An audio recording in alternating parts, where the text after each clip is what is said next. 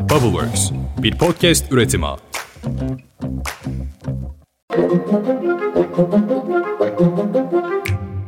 Günaydın. Bugün 25 Temmuz 2023. Ben Özlem Gürses. Bubbleworks Media ile birlikte hazırladığımız 5 dakikada dünya gündemine hepiniz hoş geldiniz.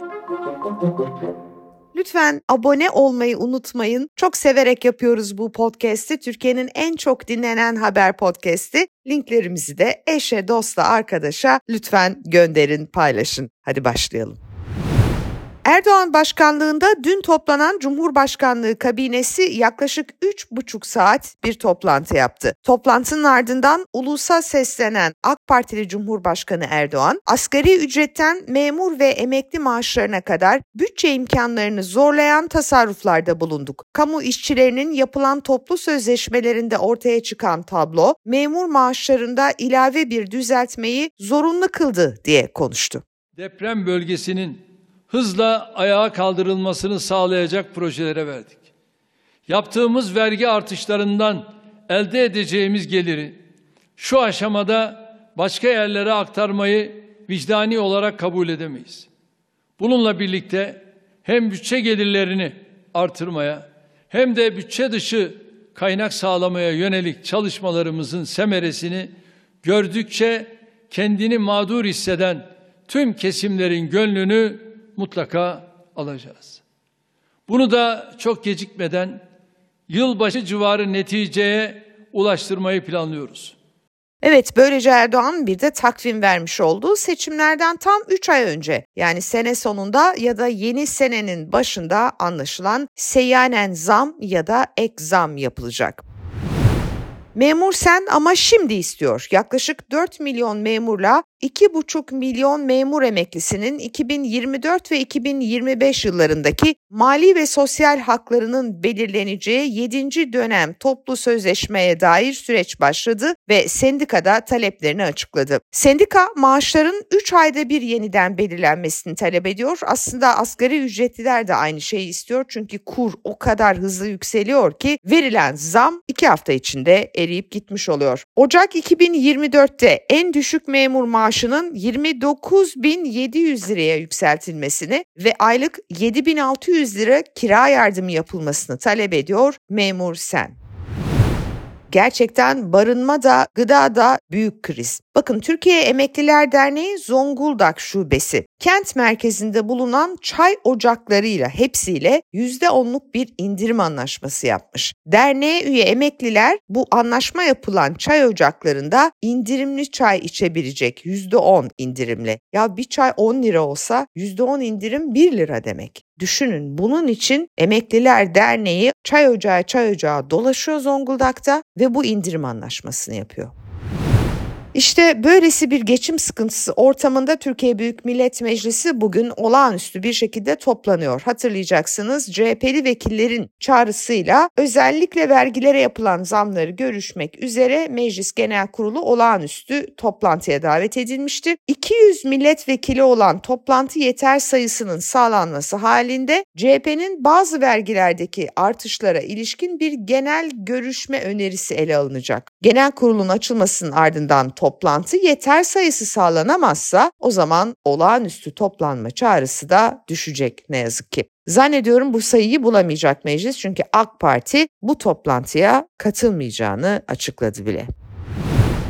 İyi Parti Genel Başkanı Meral Akşener, Ankara Büyükşehir Belediye Başkanı Mansur Yavaş'la partisinin genel merkezinde bir araya geldi. Sürpriz bir buluşma, basına herhangi bir bilgi verilmemişti. Her iki ismin de resmi takviminde böyle bir görüşme yok. Ama İyi Parti'nin sosyal medya hesaplarından Akşener ve Yavaş'ın fotoğraflarıyla birlikte şu paylaşım yapıldı. Genel Başkanımız Sayın Meral Akşener, Ankara Büyükşehir Belediye Başkanımız Sayın Mansur Yavaş'la genel merkez merkezimizde bir araya geldi. Değerli ziyaretleri için kendilerine teşekkür ediyoruz.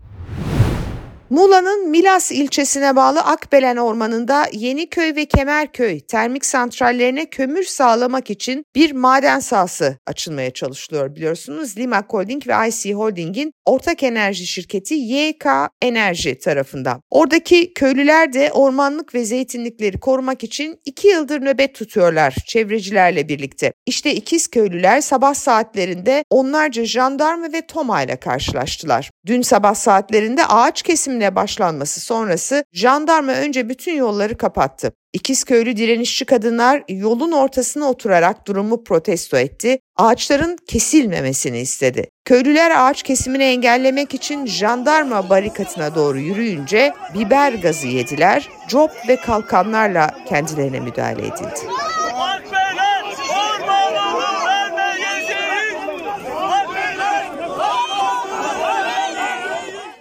Müdahale sırasında 4 kişi biber gazı ve tazyikli su nedeniyle hastanelik oldu. 8 kişi de gözaltına alındı. Akbelen Ormanı'nda açılmak istenen kömür madenine karşı köylüler 2019'dan bu yana mücadele veriyor.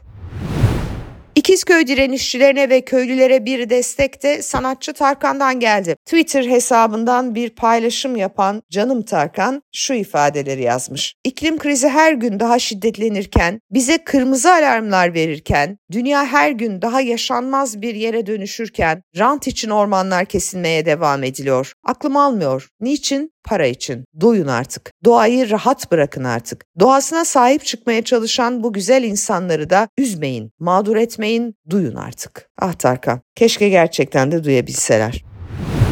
Ankara Borusu İsmail Ağa cemaatine bağlı Hiranur Vakfı'nda 6 yaşındaki kız çocuğun kemik yaşı tespitinde usulsüzlük yapmaları ve suçu bildirmemeleri eylemleri nedeniyle suç duyurusunda bulunmuştu. Hatırlayın bir türlü mahkeme heyetinin bir karar veremediği, sürekli olarak ertelenen ve ilk günden itibaren gizlilik kararı getirilen davadan bahsediyorum. Ankara Barosu sadece cinsel istismar değil aynı zamanda vakıf yöneticilerinin bu kız çocuğunun kemik yaşını büyük göstermek için sahte evrak düzenlediği ve gerçek suçu bildirmediği yönünde de bir talepte bulunmuştu. İşte baronun bu şikayeti ardından da iddianame hazırlandı. Vakıf yöneticileri sahte kemik yaşı raporundan yargılanacak.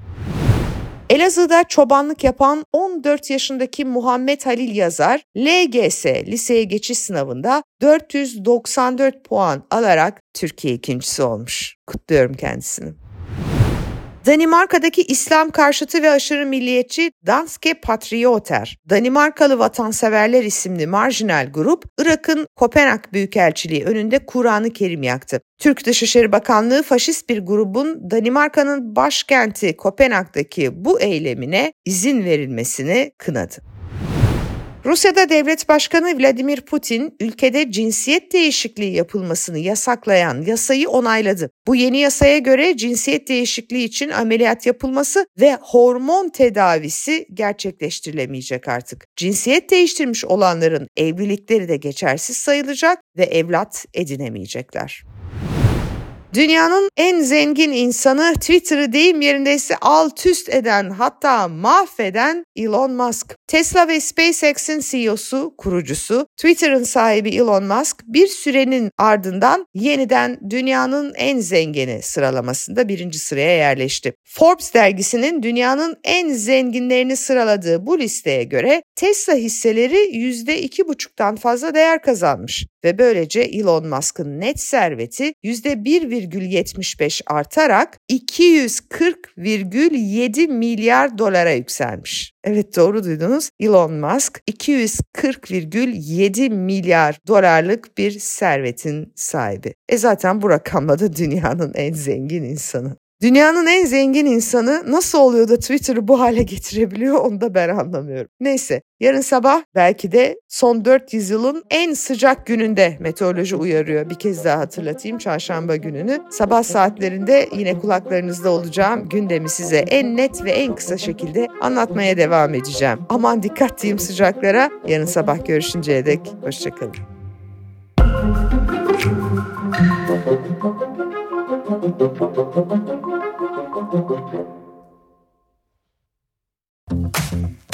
Bubbleworks bir podcast üretimi.